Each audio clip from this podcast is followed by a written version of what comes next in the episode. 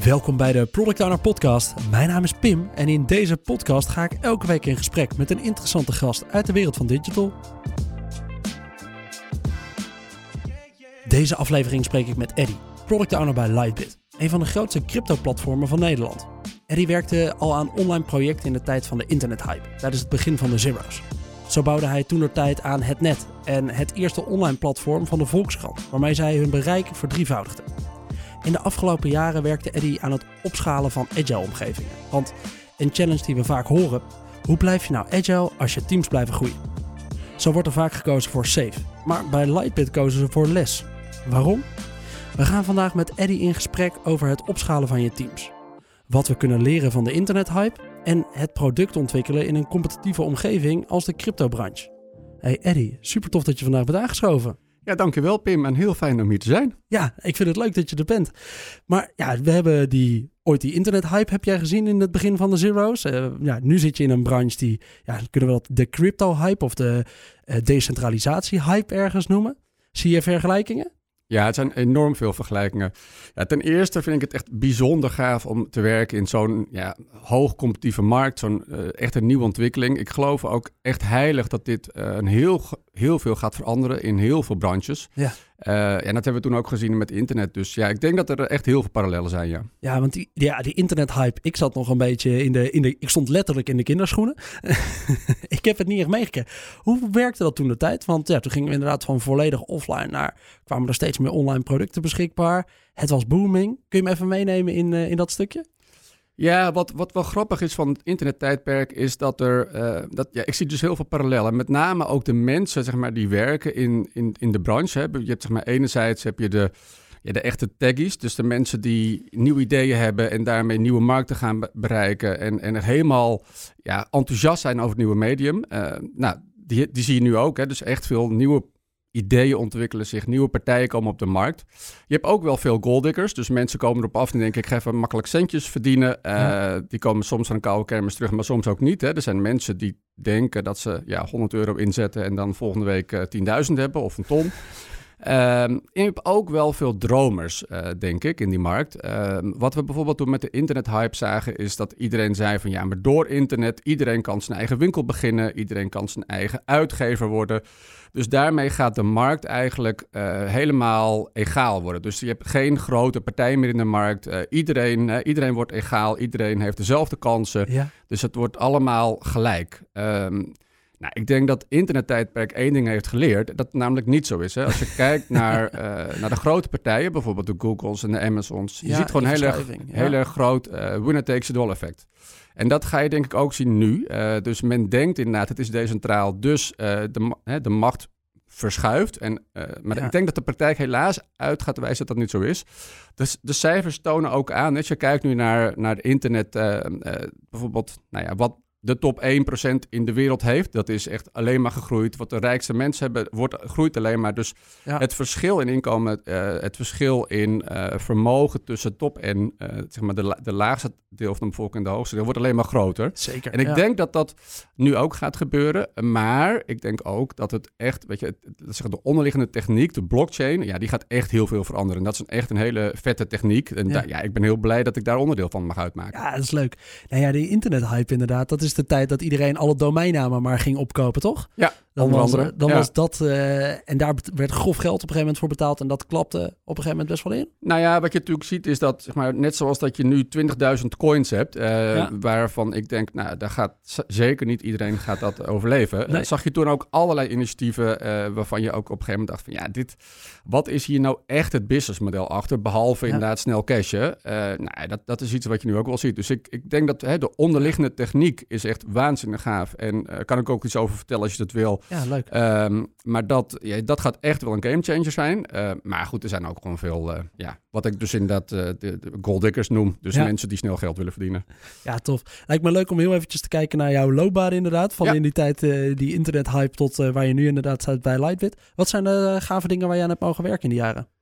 Nou, je hebt al een paar dingen genoemd. Hè? Dus bij, bij uh, KPN en Planet Internet heb ik gewerkt, of Planet Media Groep. Dus daar heb ik echt die, die, die hype in volle zin meegemaakt. Ook daarna wel, zeg maar, dat het down the drain ging. Uh, ik ben wel altijd bij blijven geloven in, uh, in internet, omdat ik echt dacht van, ja, dit, hier zit zoveel potentie in. En nou, dat is ook gebleken. Daarna, uh, nou, Volksland heb je genoemd. Dat ik vond heel mooi om eigenlijk daar de, zeg maar, de internetafdeling was echt gescheiden marketing en, en redactie. Nou, dat heb ik bij elkaar gevoegd. Dus dat was echt ja, een beetje voor sommige mensen vloek in de kerk. Maar dat is echt goed gelukt om, dat, om daar één mooie grote afdeling van te maken. Ehm, een ander heel mooi project wat ik heb gedaan is een zakelijk vastgoedplatform, zeg maar concurrent van Fundine Business met RB2. Dat was een van mijn eerste ervaringen ook om uh, te offshoren. Zij werkte met uh, China samen. Echt een hele fijne club om mee samen te werken overigens. Uh, daarna nog chief product owner geweest bij een partij in de medische hoek. Dus eigenlijk een uh, platform wat een, uh, waar je medische dossiers kan opslaan. Ja. Nou ja, en dan nu inderdaad Lightbit. Ja, Lightbit is echt wel een hele mooie club. Ja, de markt ja? boomt ook. Hè. Vorig jaar ongeveer vijf, zes keer zo groot geworden. Dus het is echt een mooie, mooie markt. Ja. En in jouw rol als product owner bij Lightbit, waar ben je voor verantwoordelijk? Wat zijn jouw producten? Um, ja, dat, dat, dat komt ik zo meteen wel even op. Want het grappige is, door les is er een bepaalde verschuiving. Ik, uh, ik ben product owner voor, uh, uh, voor de app geweest. maar we zijn nu juist in de transitie bezig om naar een andere organisatie te gaan. Dus daar zal ik iets over vertellen.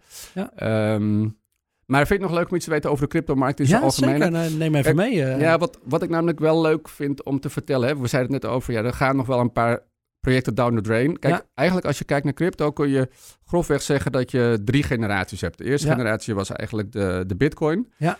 Um, waarbij echt blockchain is niks anders dan een blok van, uh, een, een, keten van blokken. En een blok is eigenlijk een aantal transacties wat gebundeld is. Ja. En die wordt uitgegeven. Nou, eigenlijk de eerste generatie ging dat, uh, dat uitgeven van zo'n blok, daar verdien je geld mee. Nou, dat noemen ze in die eerste generatie minen. En eigenlijk wat ze dan moeten doen is een getal raden. Weet je, eigenlijk moet je een code kraken.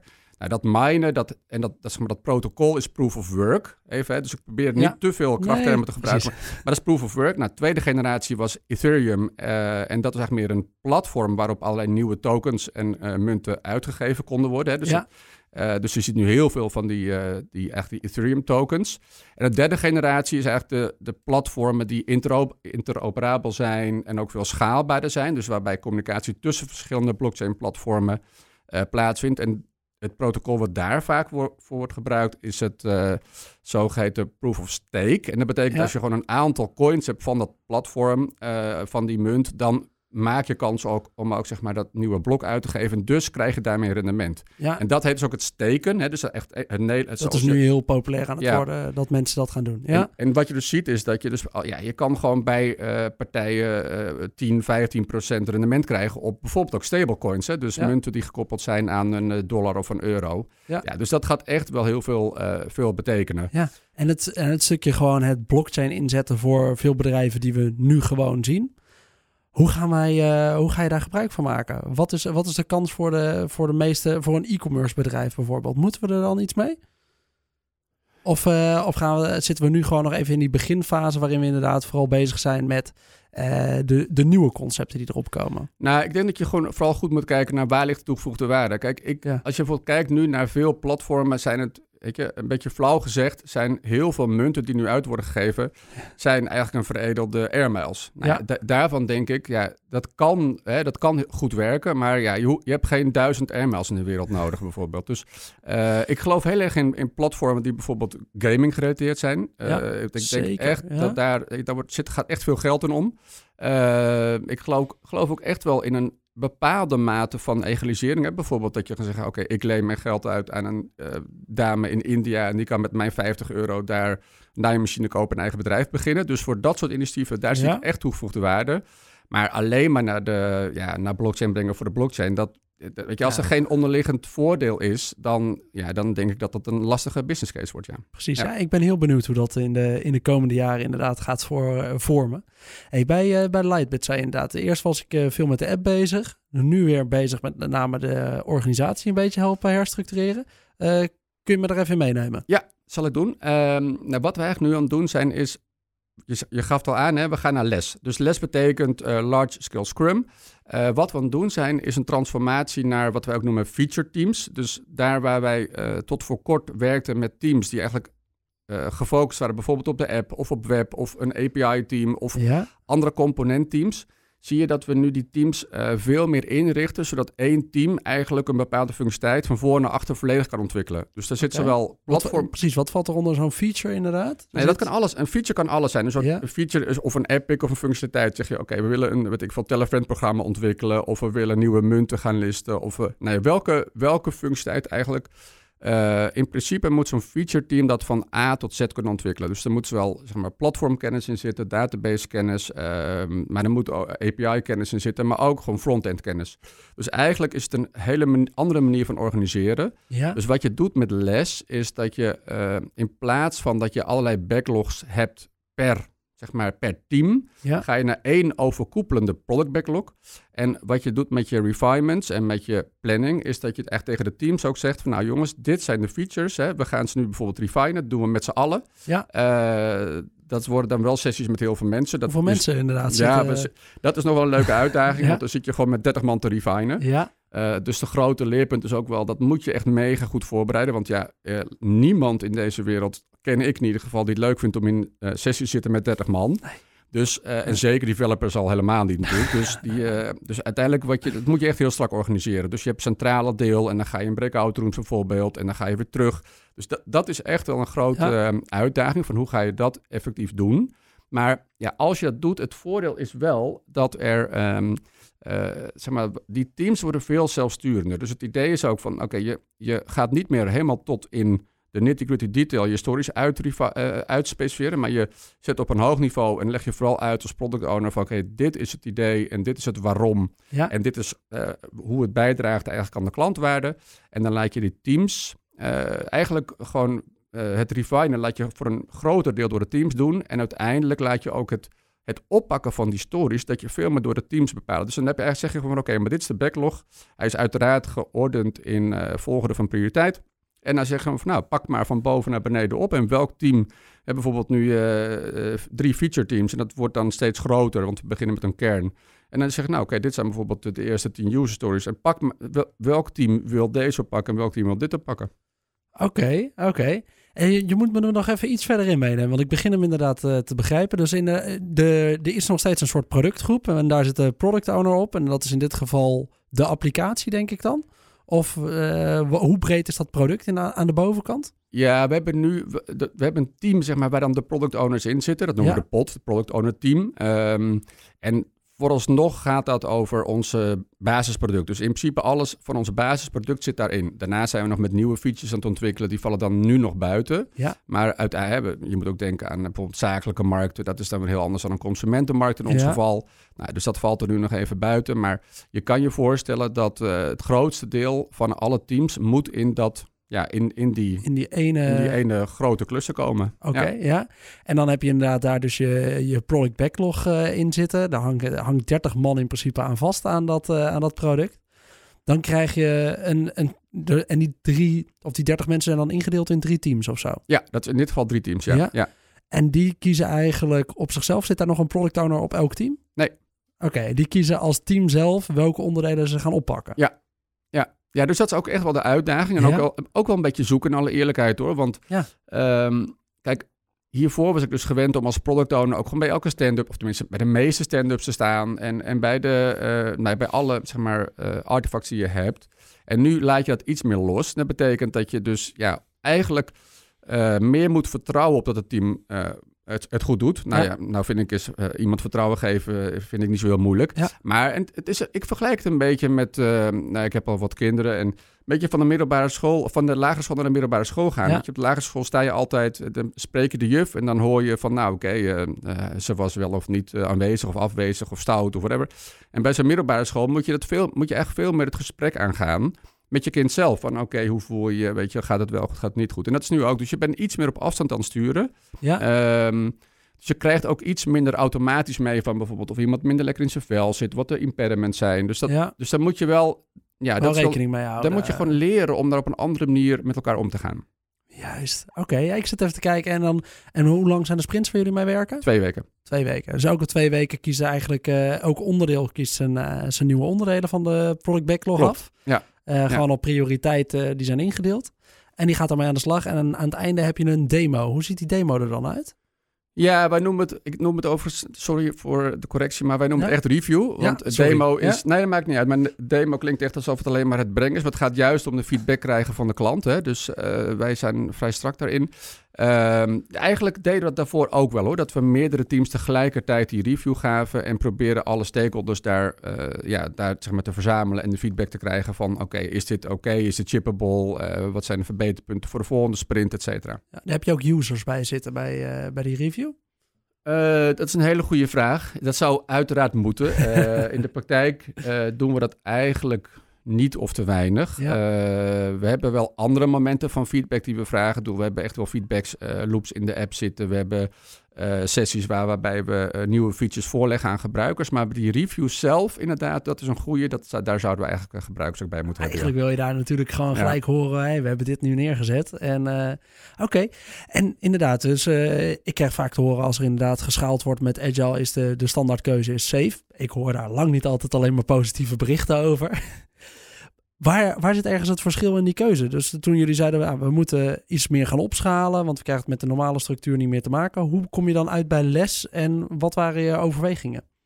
Ja, goede vraag. Ik denk dat de allerbelangrijkste uh, blokkade die wij ondervonden is dat we met die, ja, met die zeg maar even component teams werkten en dat dat toch vaak echt leidde tot Ehm, minder snel naar de markt gaan dan dat je wil. Hè. Bijvoorbeeld hadden we een webteam, nou, die wilde dan een wijziging en dan eh, moest eerst het API-team het wijzigen. Dan had de API-team het gewijzigd, ging het webteam het implementeren. Maar vervolgens bleek dat het dan de app-kant bijvoorbeeld dan weer misging.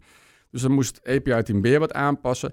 Nou, weet je, dus dan krijg je enorm veel uh, vertraging. En nu is het idee van ja, al die mensen zitten gewoon bij elkaar in één team. En dat, dat kunnen ze gewoon in één sprint uh, kunnen ze dat oplossen. De afhankelijkheden aan zich blijven natuurlijk altijd, want je zal altijd toch eerst een API moeten maken, bijvoorbeeld, of een endpoint, voordat je dan een frontend kan gebruiken. Alleen omdat je dat nu in één team stopt, ja, win je waanzinnig veel in, uh, in zeg maar agility, in snelheid naar de markt gaan. Ja. Wat zit er nou in, in elk van die teams? In die drie teams, wat zit er allemaal in? Ja, wat ik in principe zei, alle, alle, alle kennis zit daarin. Dus alle, dus eh, echt backenders, uh, maar mensen met API-kennis, mensen met uh, front-end kennis. Dus eigenlijk, eigenlijk is het gewoon echt een volledig autonoom team. Er zitten geen uh, designers in, dus we hebben wel een designers hebben we apart nog staan. Ja. Maar goed, dat zit wel in onze centrale, in zo'n potgroep zitten die wel. Dus ja. Kijk. En uh, wanneer, ja, dus de, grens bereikt je op een gegeven moment inderdaad, doordat je in die teams zag, hey, elk team is zelf individueel bezig met zijn product, maar praat eigenlijk te weinig met de andere teams. Nu gooien we het allemaal bij elkaar. Wat is het grote nadeel daarvan nu? Um, nou, er zijn denk ik ook een paar nadelen. Wat we bijvoorbeeld, we zijn pas echt overigens net overgegaan. Ja, dus sinds pas, het is de, de tweede sprint zijn we nu oh, pas, dus het is echt heel, uh, heel vers, vers nieuws. Heel verse kennis. uh, nou, wat een van de dingen die we nu bijvoorbeeld zien, is dat uh, eerst hadden we een app-team. Nou, nu, op een gegeven moment heb je wel eens een issue bijvoorbeeld met de app. Kijk, tot voor kort was het heel duidelijk. Je had een app-team, dus als er een issue was met de app, was heel duidelijk wie dat oppakte. Hè? Bijvoorbeeld met inlogproblemen of whatever. Er was iets, iets met de app en mensen, dat team ging het dan meteen oppakken. Ja, nu zijn die app-developers verdeeld over drie teams. Dus dan is heel erg de vraag van, ja, maar wie gaat dat dan oppakken? Ja, zo'n bug inschieten, ja. Dus dat is, dat is een van de dingen. Uh, nou ja, en wat ik al echt al net al zei, die, die meetings met gewoon 20, 30, 40 man, ja, dat blijft altijd wel een uitdaging. Kijk, hiervoor had je ook heel beperkt... Uh, overleggen met altijd met zes of zeven mensen. En dan hou je mensen ook wel scherp in zo'n meeting. Want weet je, natuurlijk heb je wel eens een keer uh, dat een, een bepaalde story niet helemaal jouw ding is. Dan ben je even wat minder alert of zo. Maar in principe is bij 80% van de tijd ben je alert. Maar met zo'n grote meeting, dat is, ja, dat is zeg maar... De Scrum Masters hebben... Je moet echt hele goede Scrum Masters hebben. Ja. Uh, Les zegt ook, Scrum Master is een dedicated rol. Ja. Dus ze zeggen ook, je, je kan niet een Scrum Master zijn en bijvoorbeeld een QA. Ja. Uh, je kan wel Scrum Master zijn over diverse teams heen, maar in principe is het echt een dedicated rol. Ja. Dus dat is belangrijk. Ja, en wat we natuurlijk ook wel merken, uh, kijk, elke, ik denk dat mensen over het algemeen vinden verandering uh, lastig. Uh, ja, dus ik op zijn minst spannend. Ja. Op zijn minst spannend. Wij hebben daar externe begeleiding bij uh, gehad. Het ging heel goed op zich.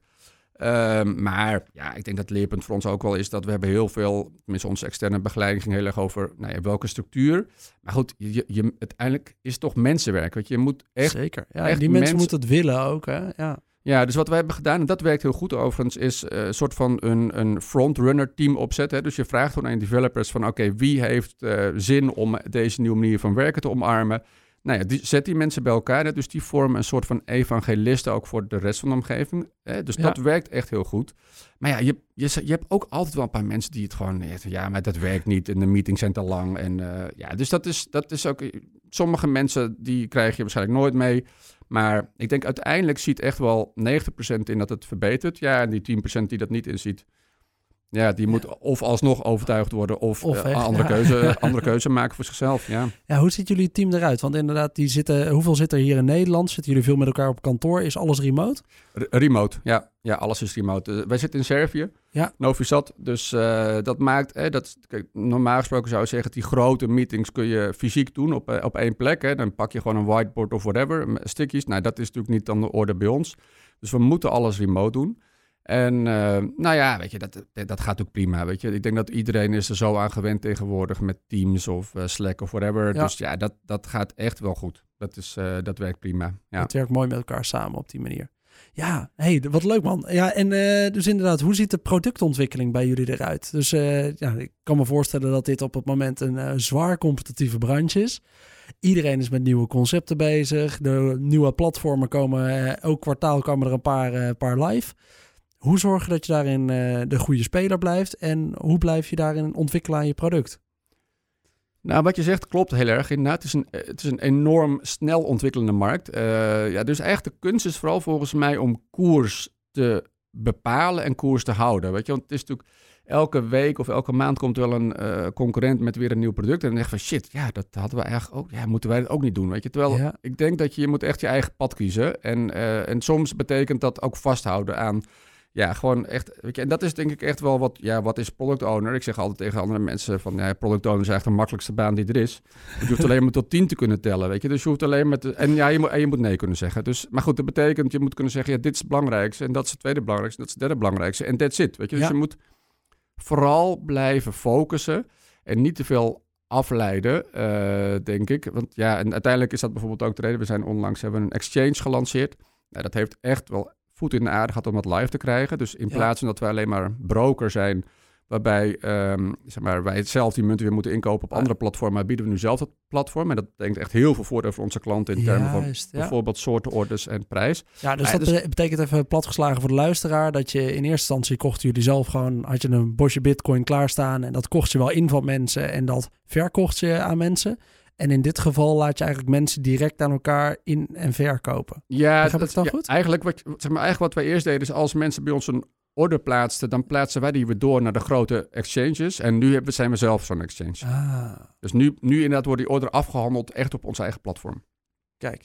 Maar dat is zo'n voorbeeld van een mega groot project waar heel veel tijd in is. En dan, ja, daar moet je dus echt focus op houden. Want als je dat niet houdt, als je die focus verliest, ja, dan, dan gaat dat gewoon vertragen. En dat is denk ik het allerbelangrijkste. Ja, en ehm, ja, als je het hebt over van wat, wat is nog meer. Kijk, ik vind het is, we zitten in een markt waarbij je natuurlijk heel makkelijk data-driven kan werken. Ik geloof absoluut heel erg in dat je al je besluiten goed moet onderbouwen. Werken met OKR's. Je kan heel duidelijk weet je, zeggen van oké, maar dit project draagt op die zin bij eh, aan dat doel. Aan de andere kant denk ik ook wel, soms moet je ook echt je gevoel volgen. Ja. ik, ik geloof heel erg in, in de, ik heb eens een keer een quote gehoord van Vonhoff in het Nationaal Dicté. Die zei van, statistieken zijn niet zelden als hoe een dronken man een lantaarnpaal gebruikt. Niet ter verlichting, maar slechts ter ondersteuning. Weet je wel, dus denk daar maar eens over na. Ehm, maar goed, dus ik geloof ook wel, je moet ook wel je gevoel volgen af en toe. En ook denken Ja. van, ja, oké, ik, ik zie daar gewoon het gat in de markt. En eh, daar gaan we voor.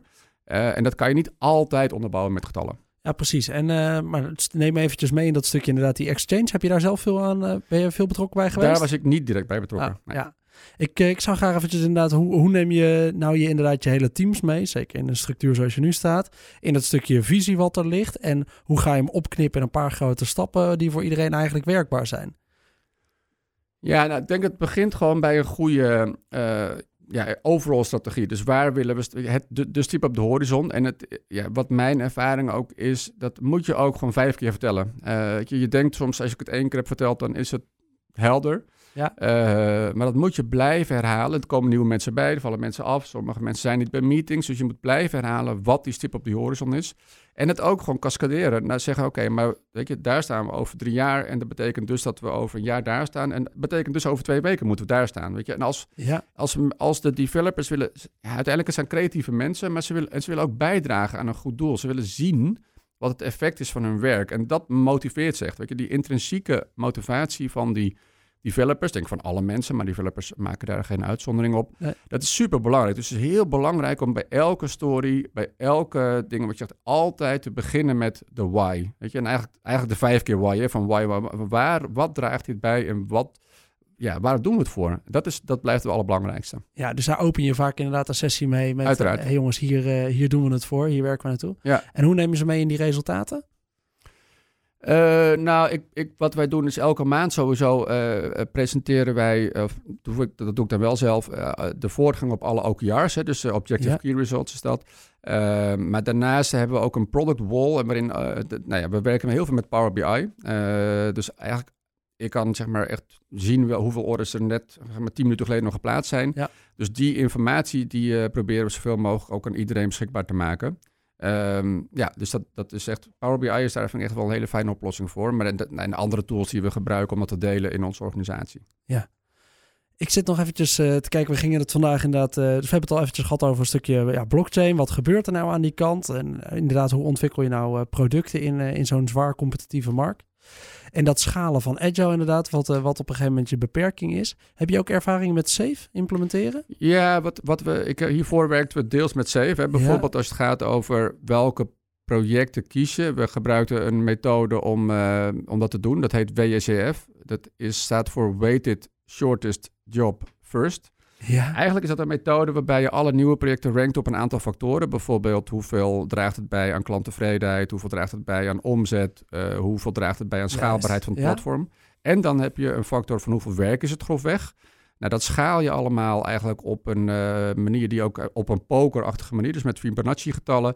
En dan deel je zeg maar, de, de plusjes, hè, dus de, de, de klanttevredenheid, et cetera. Dat is allemaal, die tel je bij elkaar op, dat deel je door de job size. Dus door de, hoeveel werk het is. Ja. En dan komt er een getal uit. En dat was eigenlijk de volgorde van prioriteren.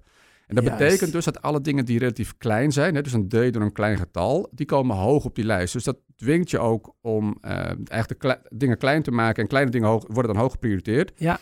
En het proces van het prioriteren, dus met die uh, Fibonacci-getallen, doe je met alle stakeholders. Dat doe je ook met marketing, met, nou ja, met iedereen, uh, met compliance in ons geval is een heel belangrijke. Uh, dat betekent dat iedereen geeft een getal en uiteindelijk ga je erover praten en kom je tot een consensus. Dus er is een consensus uh, uh, en, en je meet alles op ongeveer dezelfde manier. Hè. Heel vaak heb je toch het gevoel van ja, maar dit is appels met peren, want het ene project draagt bij aan klanttevredenheid, de andere aan customer life value, de andere is meer van compliance belangrijk, de andere is meer een techniek, voor techniek heel belangrijk. En juist om die op dezelfde manier te beoordelen, eigenlijk krijg je toch een soort van appels met appels vergelijken. Nou, wat we nu doen, dus dat, dus dat heb ik veel gedaan met, uh, met Safe, die Ja. methode bijvoorbeeld. Ja, nu zijn we over naar een andere manier van prioriteren met het op twee assen zetten en dan gewoon grote sessies met... Een soort matrix. eh. Ja, ga maar stickies plakken en ga maar discussiëren met elkaar van oké, maar, ja, maar die van mij moet meer naar rechtsboven, want dat is het belangrijkste. En ja, maar die van mij is toch belangrijker. Ja, maar waarom dan? Ja. En dan ga je meer de dialoog aan. Dus het zijn twee methoden die allebei op zich goed kunnen werken hoor, maar... Heb je daarmee met dat laatste niet een beetje het risico dat uh, de grootste schreeuw, uh, schreeuw lelijk met de meeste invloed uh, altijd zorgt dat zijn post-it als eerste wordt afgehandeld? Ja. Lijkt me wel, toch? Ja, ja absoluut. Absoluut goed punt. Uh, dat heb je overigens met, ook met die WCF-methode. Ja, die altijd. Je, want dan, gaat, dan gaan mensen hun eigen projecten altijd zeggen, die hebben het hoogste aantal punten. Dus het is het 50 of 100 of wat je ook zegt, hè, of welke getal je pakt.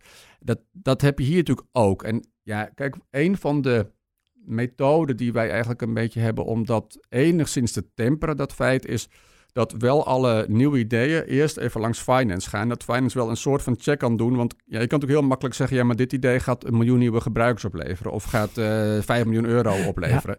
Ja. ja. dat er wel een soort van sanity check is. Van ja, ja, je kan het wel zeggen dat je hiermee zoveel klanten gaat uh, werven. Of ja. uh, langer gaat binnenhouden. Maar waarom dan? Weet je? Dus dat, maar goed, voor de rest, ja, dat effect van de grootste schreeuwen krijgt zijn zin. Ja, dat, moet je, dat is ook iets wat, wat je als product ja, moet managen. Zeker. Nee, ik denk dat daar een hele belangrijke rol ligt voor jou als product owner. En ik kan me ook voorstellen dat dat inderdaad in dit geval ook een groot deel van jouw rol ergens uh, betreft. Ja.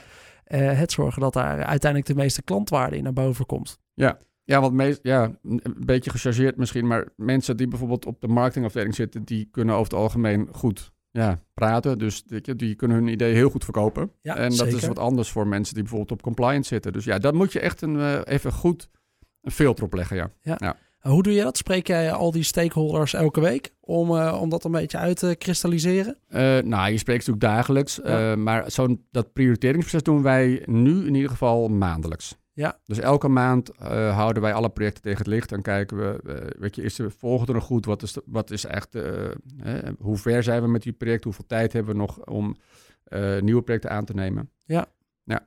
Ja, en ik denk ook, wat, wat ik ook wel heel belangrijk vind, is dat wat wij doen, is niet alleen maar kijken naar wat, hè, wat zijn de projecten. Hè, want dat is natuurlijk heel erg een kijken van, oké, maar als het opgeleverd is, is het klaar. Ja. Terwijl ik juist denk van, ja, maar als een feature is opgeleverd bijvoorbeeld, ja, dan begint het pas. Hè? Dus dan begint pas van, oké, maar nu moeten we AB gaan testen. Nu, of eigenlijk moet je van tevoren al AB testen. Maar dus, en moet je erachter komen of dat die gebruiker het ook wil. Ja, en dan pas de, dan ga je verschil maken. Hè? Dus het is juist belangrijk ook om die targets die je stelt, niet alleen maar van, oké, is het project af? Ik vind het woord project trouwens al een onzinwoord, want het is een product wat je ontwikkelt.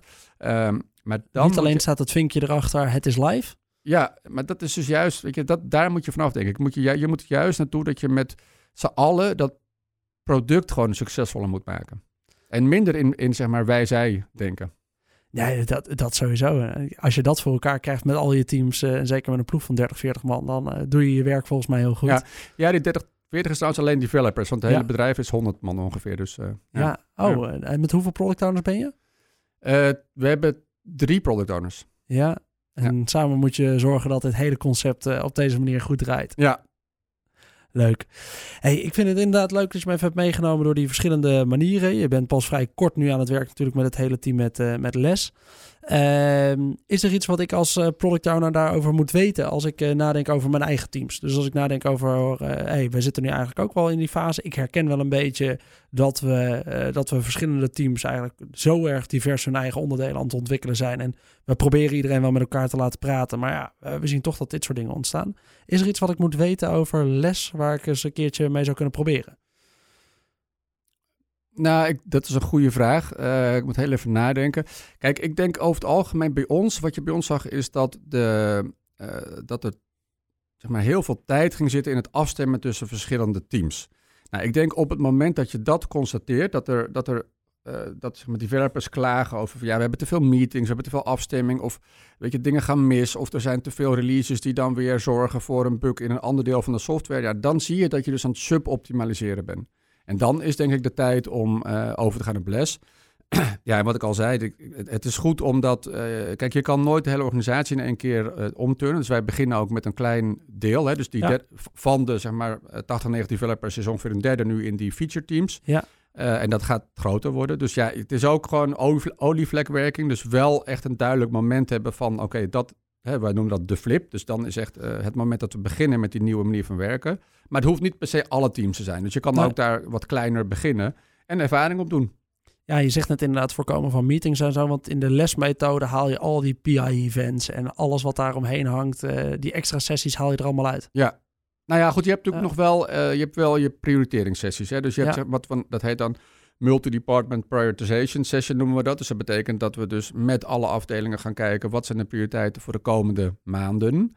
Uh, en je hebt nog steeds wel refinements. Dus dat, ja, je, je hebt uh, die, die, die Er zijn nog steeds wel wat sessies. Ja, ja. Kan, ja, het idee is wel minder sessies. Ik vind in de praktijk Um, is het echt niet zo dat je daar maar naar de helft van de sessies gaat. Hoor. Je hebt gewoon echt wel momenten nodig met elkaar om te bepalen, ja, wat, hoe, weet je, wat, wat is deze feature, wat doet die en waarom. En er moet een design, uiteindelijk moet er ook nog een design komen. Weet je. Dus een aantal dingen ga je echt niet uh, heel anders kunnen doen. Maar het is met name uh, teams zelfstandiger maken.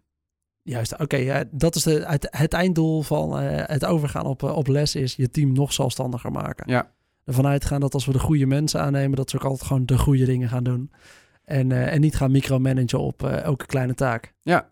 ja, ik geloof overigens dat bijna alle mensen wel goed zijn. Uh, maar ik ben ook positief van, van ideeën. Maar ja, je moet, je, weet je, uiteindelijk als mensen in hun kracht zitten, als ja. mensen zien dat ze bijdrage leveren, dan gaat het eigenlijk altijd wel goed. Ja, en de mensen die dat, die, die verantwoordelijkheid niet aankunnen, ja, die horen daar niet thuis. Nee, dat klopt. Nee, dan, dan schiet het sowieso al niet op binnen je bedrijf. Wat, wat doen ze er dan? Ja.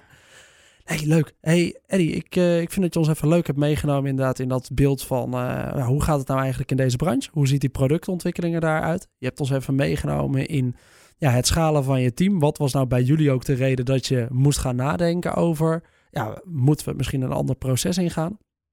Wat is nu een beetje het verschil tussen save en, uh, en les hebben we ondertussen doorlopen?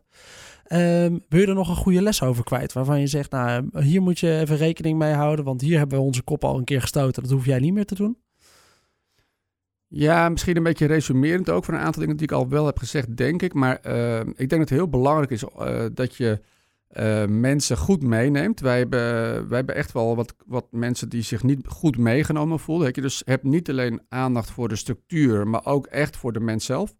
Uh, dus dat vind ik een hele belangrijke. Uh, je Scrum Masters worden heel belangrijk in het nieuwe manier van werken. Dus die moet je echt goed uh, ja, zeg maar trainen en opleiden en faciliteren. Ehm, ja, en mijn laatste blijft, goed, dat is meer, dat heeft er niet zo heel veel met les te maken, maar uiteindelijk ook van volg je gevoel. Weet je, blijf bij je gevoel, blijf de dingen doen die je leuk vindt. Ja. Ehm, weet je, uiteindelijk pas als je de dingen doet die je leuk vindt, krijg je energie. En ik denk ook dat je, en dat is misschien wat de allerbelangrijkste les wat mij betreft, is Um, een framework is ook maar een framework. Hè. Het, het, het, ik denk dat er echt heel veel goede dingen in les zitten. Maar je hoeft echt niet eh, dat boek erbij te pakken en zeggen: Oké, maar dit moet ik vinken, dit moet ik vinken. Je moet ook gewoon goed kijken hoe past het het best bij onze organisatie op dit moment, hè, in, deze in deze tijd. En je kan ook echt wel een paar uh, enigszins flexibel zijn met een aantal elementen van les om die toe te passen. Ja. Als de basisgedachte maar overeind blijft. De basisgedachte is zelfsturende teams uh, die volledig een product van A tot B kunnen ontwikkelen. En, uh, en daarmee veel snelheid genereren. Ja, nou, ik denk dat we het hier al vaker in de podcast inderdaad hebben besproken. Uiteindelijk, uh, en ik ben er volledig van mening, gaat het altijd een beetje om cherrypicking. En moet je gewoon heel eerlijk zijn. Ja, soms is niet de hele methode van toepassing op elk bedrijf op, op, of op elk product. En ja, het hele idee achter agile werken is uiteindelijk het bijsturen en het leren van hetgeen wat er gebeurt. En uh, als je daarin ziet dat het een wel of niet werkt, dan is er uiteindelijk altijd een stukje cherrypicking. Dit gaan we wel helemaal meenemen. En ja, dit houden we buiten beschouwing. Ja, nee, volledig mee eens. Kijk, ik denk dat het allerbelangrijkste van, van in zijn algemeen het agile werken is zo snel mogelijk naar de markt. Zo snel mogelijk feedback halen van de klant. Uh, en transparantie. Weet je, ik, ik geloof heilig in transparantie. Transparantie intern. Weet je, ik, ik zeg ook altijd van maakt me niet uit hoeveel fouten je maakt, weet je wel. Ik, eh, dat, dat vind ik echt alleen maar goed als mensen fouten maken. Fouten verbergen daarentegen vind ik uh, ingewikkeld. Ja. Uh, om het even zacht uit te drukken. Want ik bedoel, dan, dat, dat is gewoon echt niet oké. Dus als je maar transparant bent over wat heb ik gedaan, wat ging er mis, hoe, hoe heb ik ervan geleerd en ook hoe hebben we geleerd van ons product naar de klant brengen. Dat is wel, dat je, daar moet je niet aan tornen. Die basisprincipes van uh, Scrum, van Agile, dat, die staan echt heilig wat mij, wat mij betreft. Maar hoe je dat organisatorisch inricht, ja, dat, dat, daar kun je wel uh, wat mee spelen. Zeker. Hey, ik vind het helemaal leuk dat we het uh, vandaag hierover hebben gehad, Eddie. Dankjewel dat je mij ook even wat meer wilde uitleggen en de luisteraars wat meer wilde uitleggen over deze onderwerpen. Als mensen nog vragen hebben naar jou naar aanleiding van deze podcast, kunnen ze je een bericht sturen via LinkedIn? Uiteraard, uiteraard. Ah, super. Dat is Eddie Hamoen op LinkedIn. We benoemen hem natuurlijk ook eventjes in de description van deze aflevering. Hey, dan bedank ik iedereen weer voor het luisteren naar deze aflevering van de Product Owner Podcast. Ben je nou op zoek naar meer afleveringen, dan vind je die waarschijnlijk op je favoriete podcastplatform of op productowner.nl slash podcast. Ik wil eventjes een bedankje uitspreken naar de Hub Studio van de Breda University, die we vandaag weer hebben kunnen gebruiken voor deze opname. Heb je nog vragen aan mij naar aanleiding van deze aflevering? Dan kun je me ook een bericht sturen op LinkedIn, dat is Pim Pot, of op pim.productowner.nl. En dan hoop ik dat je de volgende keer weer luistert. Tot dan!